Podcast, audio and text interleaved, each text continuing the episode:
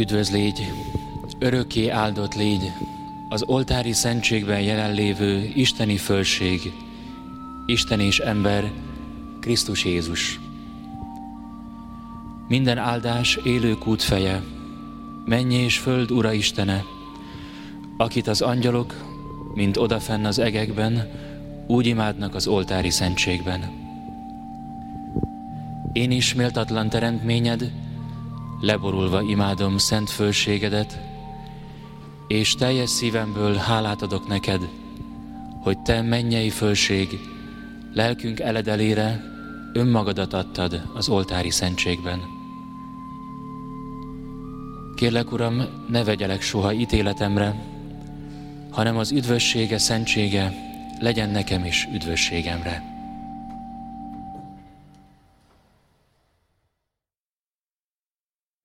Dicsértessék a Jézus Krisztus! Ezután a szép ének után különösen örömteli érzés végignézi a újra megtelt padsorokon. Sok ismerős arcot látok, és ez oldja bennem a feszültséget, de többen talán csak látásból ismernek, ezért úgy illik, hogy mindenek előtt bemutatkozzam. Szabados Jánosnak hívnak. Feleségemmel, Mártával, három gyermekünk családjával együtt 30 éve élünk Szentendrén. Tíz unokánk is itt jár, illetve itt járt iskolába. Az elmúlt hat évben az egyházközség világi elnöke voltam. Kérem, hogy fogadják, fogadjátok el, hogy az előadásban csak tegező formát használok. Így egyszerűbb a megszólítás. Sokat fogok idézni a Szentírásból és más könyvekből is. Ezeket pontosan kimásoltam, és természetesen szó szerint felolvasom. De nem csak az idézeteket, hanem az előadásom többi részét is leírtam, és igyekszem azt szó szerint továbbadni. Így nem kalandozom el, és tartani tudom az előadásra tervezett időt másrészt pedig jobban tudok figyelni, hogy elég hangosan és a mikrofonba beszéljek. Ha nem hallotok jól, akkor kérem, hogy jelezzétek. Néhány évvel ezelőtt egy házasságról készült interjúban megkérdezték tőlünk, hogy van-e kettőnknek egy közös mottója, kedvenc idézete akkor elmondtuk, hogy mi az esküvőnkor nem kerestünk ilyet. Valójában eszünkbe se jutott. Amikor az interjú készült, már bőségesen volt élettapasztalatunk. Arról is többek között, hogy ha visszatekintünk a közös életünk évtizedeire, akkor utólag mindig kiderült, hogy a minket ért megpróbáltatások vagy kudarcok sohasem voltak hiába valók. Annak mindig volt valami értelme, ami segítette a hit útján való haladásunkat. Ezért választottuk akkor házasságunk mottojának Szent Pál rómaiakhoz írt levelének az ismert mondatát, akik Isten szeretik, azoknak minden a javukra válik. Most erre az előadásra készülve elővettem a római levélnek ezt a fejezetét, és meglepetten láttam, hogy Szent Pál ezt a következő mondat után írta le. Gyöngeségünkben segítségünkre siet a lélek, mert még azt sem tudjuk, hogyan kell helyesen imádkoznunk. Valóban döbbentem rá. Még azt sem tudom, hogyan kell helyesen imádkoznom. Ezért is éreztem sokkal inkább helyemen magamat az előző két alkalommal, ott a padban köztetek, vén fejjel is tanulóként. Most azonban kisé zavartan állok itt, ezen az oldalon, és én is csak abba bízom, hogy gyöngeségemben segítségemre siet majd a lélek. Ezzel a reménnyel kezdek tehát hozzá a Szentségimádás iskolájának harmadik előadásához. Két hete György atyától hallottunk Jézus valóságos jelenlétéről az Eukarisztiában. Az akkor elhangzottak közül én két gondolatot írtam be a füzetembe. Az egyik ez volt. Minden szent mise ablakot nyit az utolsó vacsora asztalára és a Golgotára. A másik pedig, hogy az oltári szentség előtti jelenlét akkor is hat ránk, ha semmit nem érzünk. Tartsunk ki hűséggel. Aki sokat jár a malomba, az beliszteződik. Hallottuk György atyától. A múlt hétfőn pedig Máriától és Mártától tanultunk imádkozni Edith segítségével. Hallottuk, hogy mennyire fontos, hogy valakinek kiönthessük a szívünket. És igazán csak Jézus jelenlétében pihenhetünk, nyugodhatunk meg. Pár gondolatot ebből az előadásból is felírtam a füzetembe, és kettőt felidéznék. A mai világunk két nagy luxusa az idő és a csend. Erre a kettőre van szükség, hogy én rátaláljak Istenre. A másik, ne a napjaimba illeszem be az imát, hanem az egész napon váljon imádsággá. És ez a gondolat már átvezet a mai témához is, hiszen ennek az előadásnak a címe a kérő imádság, a hit és a remény.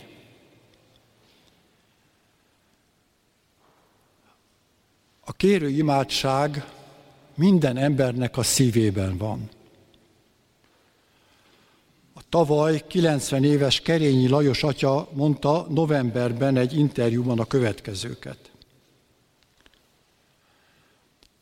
Mélyen, legbelül mindenkiben ott lakik az Isten, ám ez sokaknál csak a haláluk óráján derül ki.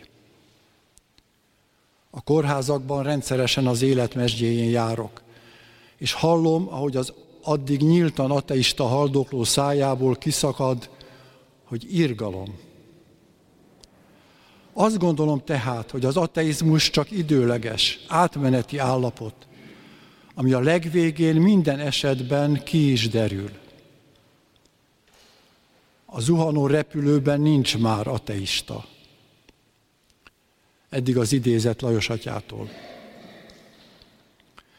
A magukat hitetlennek tartó emberek kevésbé drámai helyzetben is, mondjuk ha gyermekük megbetegszik, szeretnének segítségért felsőbb hatalomhoz fordulni. De emlékszem a saját diák éveimre is. Amikor nem tudtam a teljes anyagot átvenni, akkor a vizsga előtt így fohászkodtam. Istenem, add, hogy olyan tételt húzzak, amit megtanultam. A kérő imádság tehát bennünk van. Jézus maga tanította nekünk a mi atyánkot, és ebben a kérő imádságot.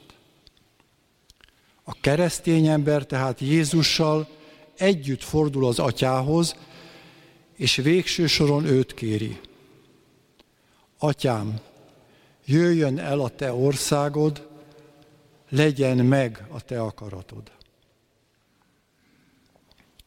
A mai evangéliumban a szemorvos boldog Battyány és Tratman Lászlóra emlékezve már hallottuk, hogy Jézus hogyan gyógyította meg a jerikói vakkoldust. Most pedig majd Márk evangéliumából a nevét is megismerjük a koldusnak. A kérő ima tanulásában ugyanis ő lesz a segítségünkre.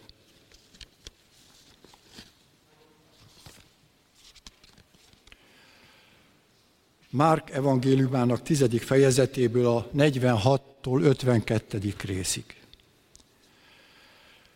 Közben Jerikóba értek.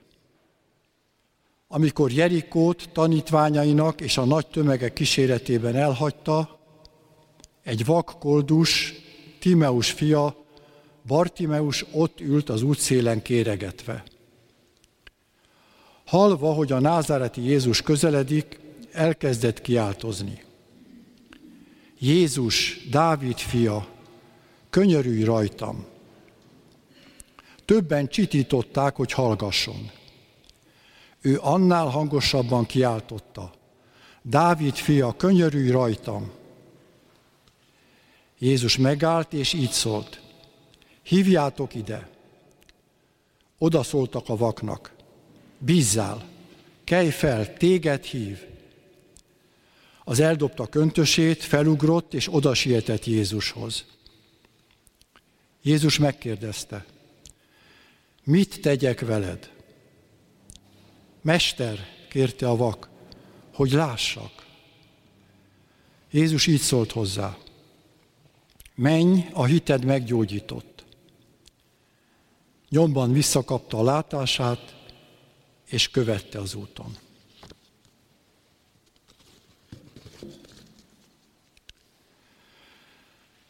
Most nézzük meg Bartimeus nyomán, hogy mit kell nekünk tennünk a kérőimában. Tíz lépésben követjük Bartimeust, ezek a füzetben is mind benne vannak. Az első, Jézushoz kiáltani. Tehát Jézus tanítványaival Jeruzsálem felé tart, már közel a virágvasárnapi bevonulás. Jerikon utaznak keresztül. Nagy tömeg kíséri, mert a híre már megelőzte, hallottak tanításáról, csodatetteiről, gyógyításairól. A tömegben ott ül egy vakkoldus, Bartimeus. Ő is hallott már Jézusról, és megtudja, hogy most erre jön. Nem látja ugyan, de halva, hogy a názáreti Jézus közeledik, bizalommal eltelve elkezd kiáltozni. Ezt tehetjük mi is. Nem látjuk ugyan Jézust, de halljuk, hogy ő van itt, és bízunk benne, hogy meghallja a kiáltásunkat. A kiáltás után a következő lépés Jézus hatalmát elismerni. Mit is kiált Bartimeus? Jézus, Dávid fia, könyörülj rajtam. Ez a megszólítás azt jelenti, hogy noha vak, de a szíve megsúgta, hogy kihez szól a kiáltás. A messiáshoz, aki Dávid családjából született. És kimondja Jézus nevét, amelynek jelentése Isten megszabadít. Ez a megszólítás maga a hitvallás, a biztos meggyőződés, hogy ő tud rajta segíteni, mert hatalma van. Ezzel a hittel mondja ki, könyörülj rajtam. A harmadik dolog, amire figyelnünk kell az imába, hogy ne hagyjuk magunkat elbátortalanítani. A Bartimeus körül állókat zavarja, feszélyezi a kiáltozás. Többen csitították, hogy hallgasson. Mi is találkozunk ezzel a magatartással. Felesleges az ima, itt már az Isten sem segíthet. Vagy bennünk támad fel az elbizonytalanodás. Érdemes ezzel Istenhez fordulni? Ő a hatalmas, a mindenható. Ilyen csip-csup ügyel zavarjam. De Bartimeus nem hagyja abba. Ő annál hangosabban kiabált. Dávid fia, könyörülj rajtam. A hit és a remény ad neki erőt, ahogyan nekünk is tud erőt adni. És valóban Jézus megállt. A nagy tömeg, a zaj ellenére Jézus meghallotta a kiáltást. Nekünk is kitartóan és teljes erőnkből bátran kell kiáltanunk, amikor Istenhez imádkozunk. Múlt pénteken, pénteken egy hete, amikor a béna meggyógyítása volt az evangéliumban, Ferenc pápa a, ehhez az evangéliumi részhez mondott reggeli homiliájának a végén ezt a záró mondatot mondta el, ha egy imádság nem bátor, az nem keresztény imádság.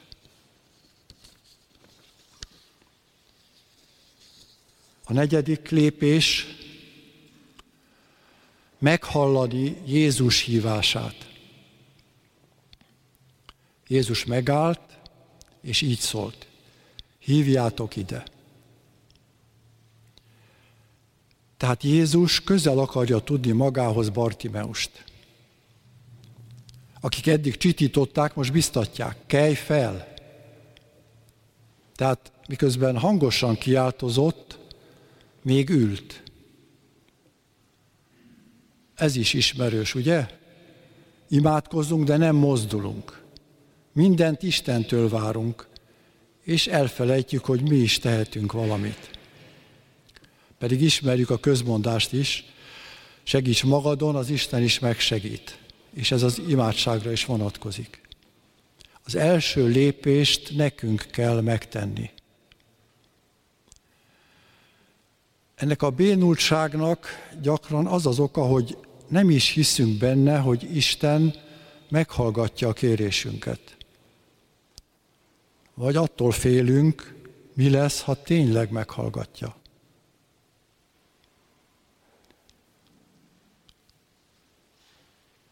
Az ötödik lépés, reménnyel telve felállni. Amikor imádkozunk, a legfontosabb, hogy tudatosítsuk magunkba, hogy kihez szólunk. A végtelen Istent szólítottuk meg, akinek hatalma van a kérésünket teljesíteni. A második fontos dolog, hogy mondjuk ki a kérésünket. A segélykiáltás lehet csak annyi, hogy Uram, segíts. De itt nem állhatunk meg. Ebből tovább kell lépni. Hiszen Jézus erre bátorít, amikor magához hív minket is, mint Bartimeust. A kiáltásból így válhat valódi beszélgetés, igazi találkozás Istennel.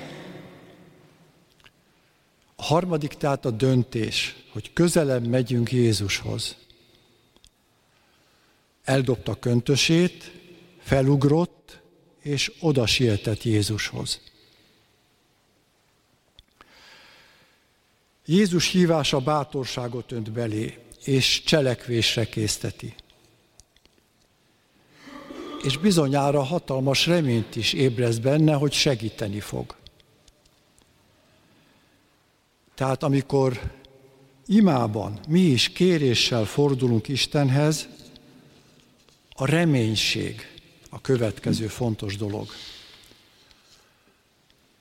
Természetesen hinni kell abban, hogy Jézus tud segíteni, de ez kevés. Remélnünk is kell, hogy fog segíteni. Ki tudjuk-e mondani, hogy Jézusom, bízom benned,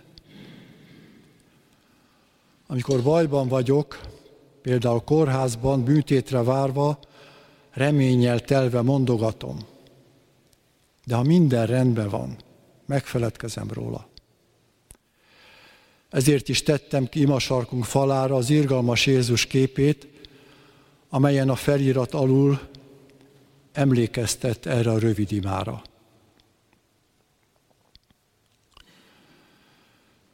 Bartimeus eldobta a köntösét. Egy koldusnak ez az egyetlen vagyona. Ez védi, ez ad biztonságot. De ez most nem számít. Hiszen abba bízik, hogy minden meg fog változni.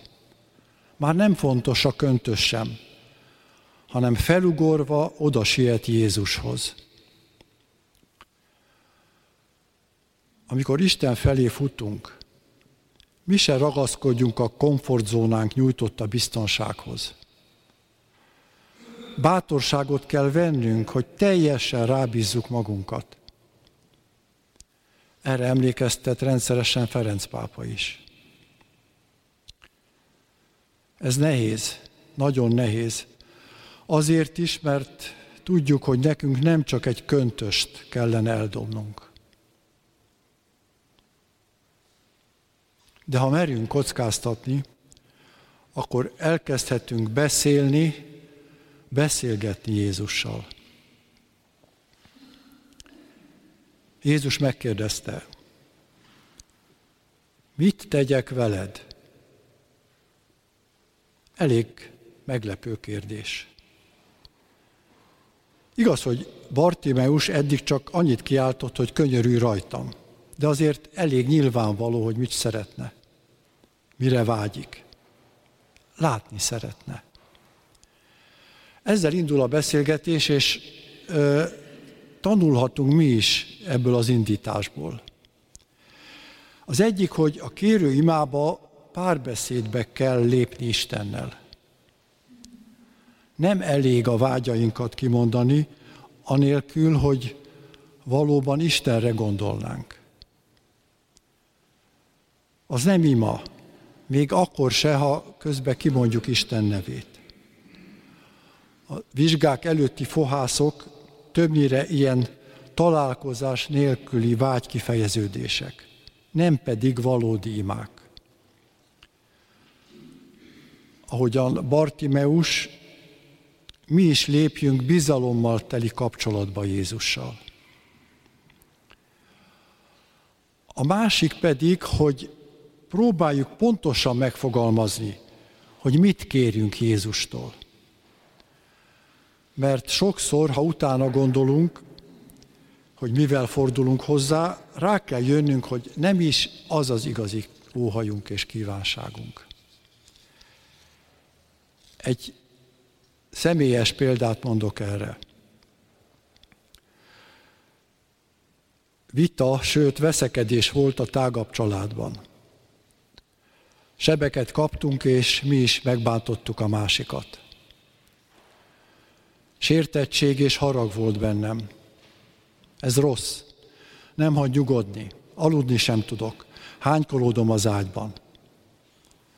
Mondom a rózsafüzért, nem csak azért, hogy elaludjak, hanem valahol homályosan ott van mögötte egy kérés is, hogy Uram, világosítsd meg a másik értelmét, hogy felismerje, hogy tévedett.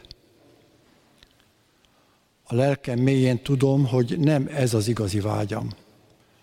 Sőt, talán a gonosz sugalja, hogy ne engedjek a saját igazamból.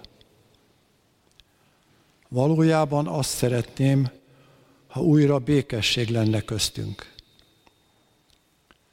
Mit kell hát kérnem? Azt, hogy mutasd meg, Uram, milyen úton tudom helyreállítani a bizalmat és a szeretetet. Avilai Szent Teréz mondta, hogy Isten szereti a bátor embereket. Talán azt akarja Isten, hogy az ő erejével nézzek szembe az adott helyzettel.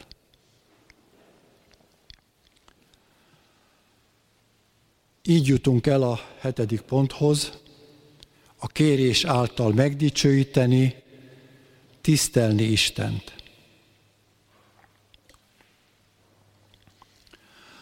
Nagy László fiatalkori versét, ha másképpen nem a megzenésített változat miatt sokan ismerjük. A vers címe Adjon az Isten. A költő, miután felsorolt kilenc kérdést, így fejezi be. Nekem a kérés nagy szégyen, akkor is adj, ha nem kérem. Istenhez fordul a kéréseivel, tehát ima ez. Egy hitéért küzdő, őszinte ember imája. Mi az, ami mégis meghökkent, de talán el is gondolkoztat minket. Lehet a kérés akadálya bennünk is a szégyenérzet, szégyenkezés, vagy a büszkeség. De az is felmerülhet, hogy Isten jobban ismeri a szükségleteimet, a vágyaimat, mint én. Akkor miért kell kérnem őt? A választ a katekizmusban megtaláljuk. A katolikus egyház katekizmusának 2633-as pontjában olvashatjuk. Bármely szükséglet lehet a kérő imádság tárgya. Krisztus, aki mindent magára vállalt, hogy mindenkit megváltson, megdicsőül azokon a kéréseken keresztül, amelyeket az ő nevében ajánlunk fel az atyának.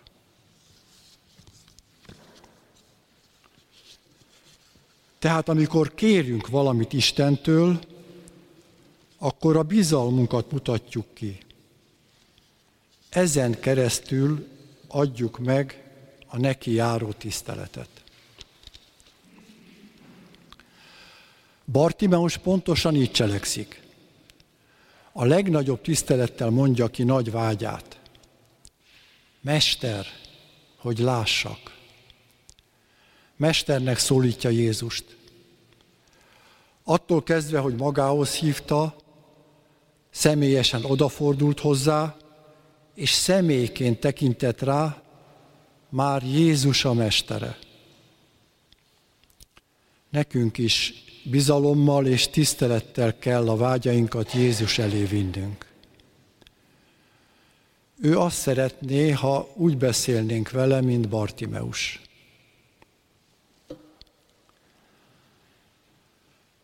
Mi történik ezután? Ez a nyolcadik pont. Jézus szabadon enged bennünket. Jézus válasza, menj, a hited meggyógyított. Jézus feltétel nélkül szeret és gyógyít.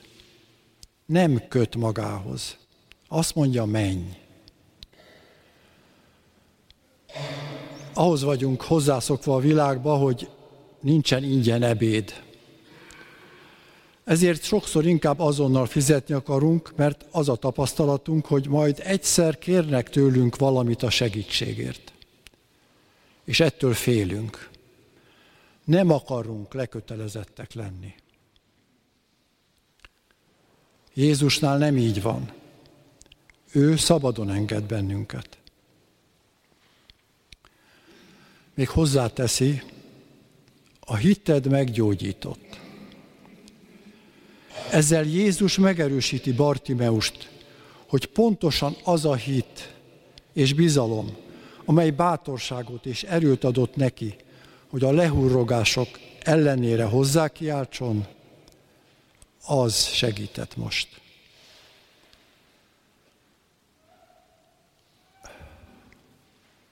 Sokszor imádkozunk mi is, hittel és bizalommal, és mégsem kapjuk meg ezt a segítséget.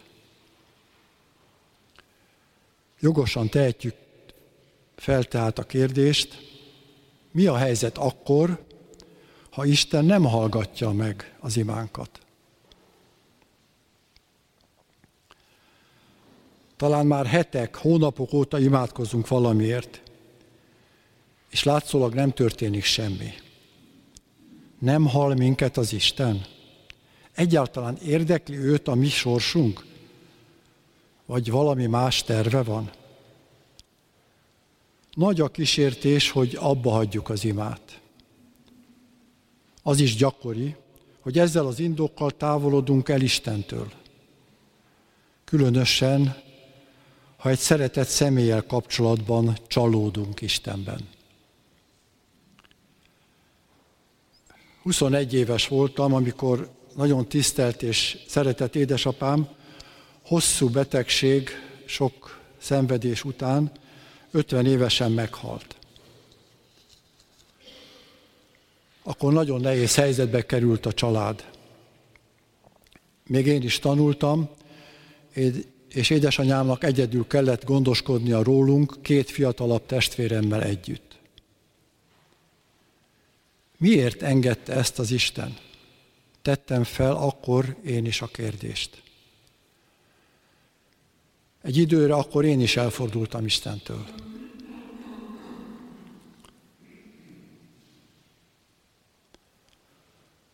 Már Jobb könyvében olvassuk, hogy Isten tettei felfoghatatlanok.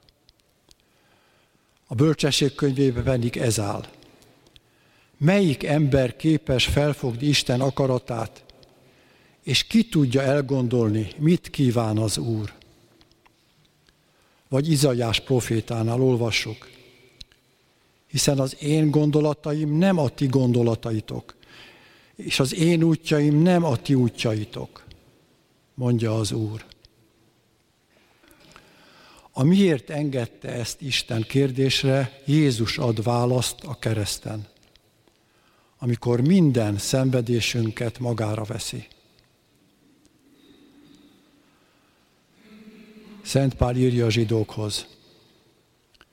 Földi életében hangosan kiáltozva, könnyek között imádkozott s könyörgött ahhoz, aki meg tudta menteni a haláltól, és hódolatáért meghallgatásra talált. Igen, meghallgatásra talált, de a feltámadás által.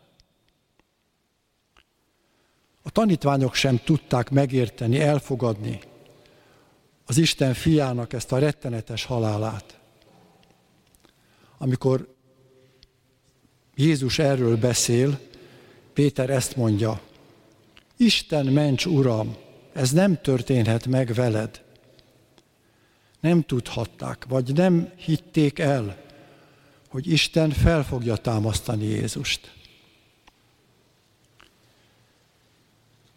És mi el tudjuk teljes szívvel fogadni, hogy az Isten olyat tegyen, amit nem értünk, vagy még nem tudjuk megtalálni rá a magyarázatot?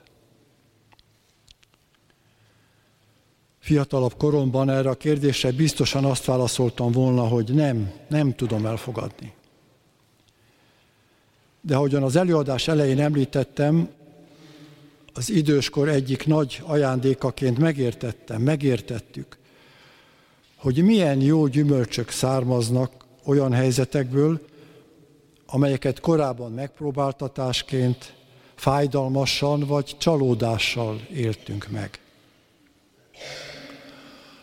A nehézségek, megpróbáltatások idején most is Szent Pál rómaiakhoz írt levelének a már idézett sora ad reményt és vigasztalást. Tudjuk azt is, hogy akik Isten szeretik, azoknak minden a javára válik. Ha kéréssel fordulunk Istenhez, akkor mindig annak a tudatába kell lennünk, hogy Isten sokkal jobban szeret minket, mint el tudjuk képzelni.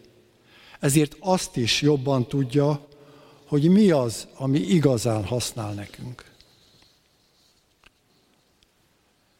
Ezért nem mindig azzal ajándékoz meg, amit kérünk. Bízzunk benne, mint Bartimeus, és ha imádkozunk, higgyünk abban, hogy ő mindig a javunkat akarja. A híres bajorországi helyben, helyen, Altöttingben van egy kegytábla, amelyen ez áll. Köszönöm Istenem, hogy éveken keresztül nem hallgattad meg az imádságomat.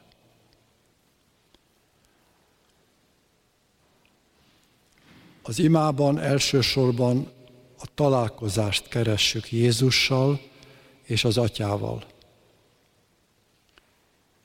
Mielőtt kérünk, helyezkedjünk Isten jelenlétébe. Próbáljuk meg egészen vele lenni, szívünkkel, gondolatainkkal, akaratunkkal is jelen lenni tudatosítsuk azt is, hogy egy személyhez szólunk, aki él, szeret bennünket és meghallgat minket. Ha így kérünk, akkor az mindig gyümölcsöt fog hozni. És ez az Isten kapcsolat.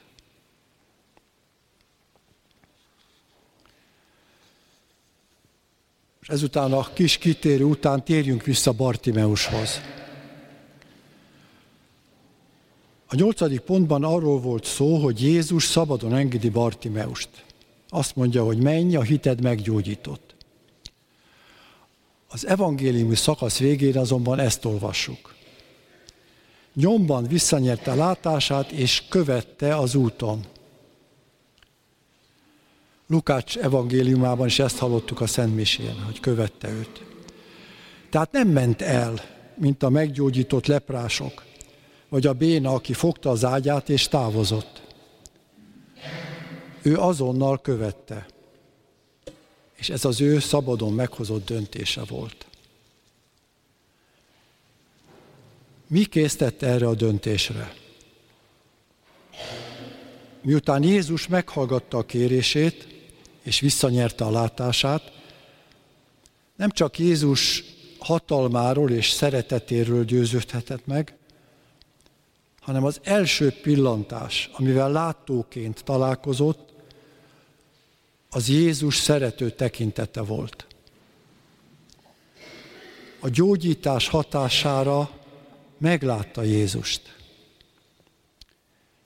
És ez elég volt ahhoz, hogy azonnal döntsön. Követi őt. Bartimeus kiáltott, Isten meghallgatta, most pedig megláthatta az ő arcát, az ő szeretetét. És már nem akar enélkül a szeretet nélkül élni. Amint már erről korábban volt szó, minden ember, még a magukat hitetlennek gondolók is kritikus helyzetben kéréssel fordulnak egy felsőbb hatalomhoz. Ezzel kezdődik spontán módon a keresztény ember imádsága is. Vannak, akik a kérő imát alacsonyabb rendűnek, kevésbé értékesnek tartják, mint más imaformát. De ez azért nincs így, mert a kérő ima is a személyes Isten kapcsolatot építi. És ez fontosabb, mint maga a kérés. Mit tanulhatunk tehát Bartimeustól? Azt, hogyha mély hídből fakadóan, bátorsággal és reménnyel telve a Jézussal való személyes találkozásban imádkozunk, akkor meglátjuk Isten arcát. Akkor teljesül az emberi szív legmélyebb vágya, hogy lássuk Istent, és személyes tapasztalatunk legyen arról, hogy ő szeret minket. Akkor átélhetjük, amit Teréz anya mond. Felfogtátok valóban a lélek szemeivel? Milyen szeretettel tekint rátok Jézus? Isten már évezredekkel ezelőtt megígérte, hogy aki hozzájön és hozzáimádkozik, az megtalálja őt. Jeremiás könyvében olvassuk a következőket. Ha majd segítségül hívtok, és könyörögve hozzám jöttök, meghallgatlak titeket. Ha kerestek, megtaláltok, föltéve, hogy szívetek mélyéből kerestek. Megengedem, hogy megtaláljatok, mondja az Úr.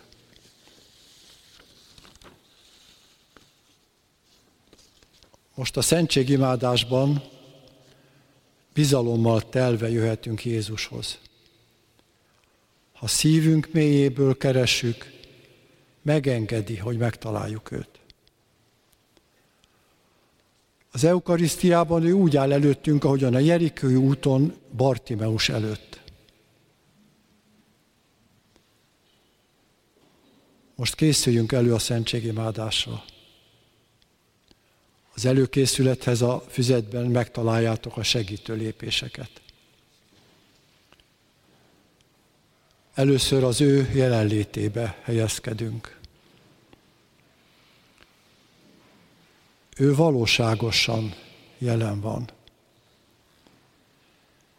Mi a szemünkkel csak a kenyeret látjuk, de mint Bartimeus kérhetjük a Mestert, hogy képesek legyünk a szívünkkel is látni. És kérjük bátran és reményel telve, hogy a szívünk szemével mi is meglássuk az élő Isten fiát, aki tőlünk is azt kérdezi, mit tegyek veled? thank you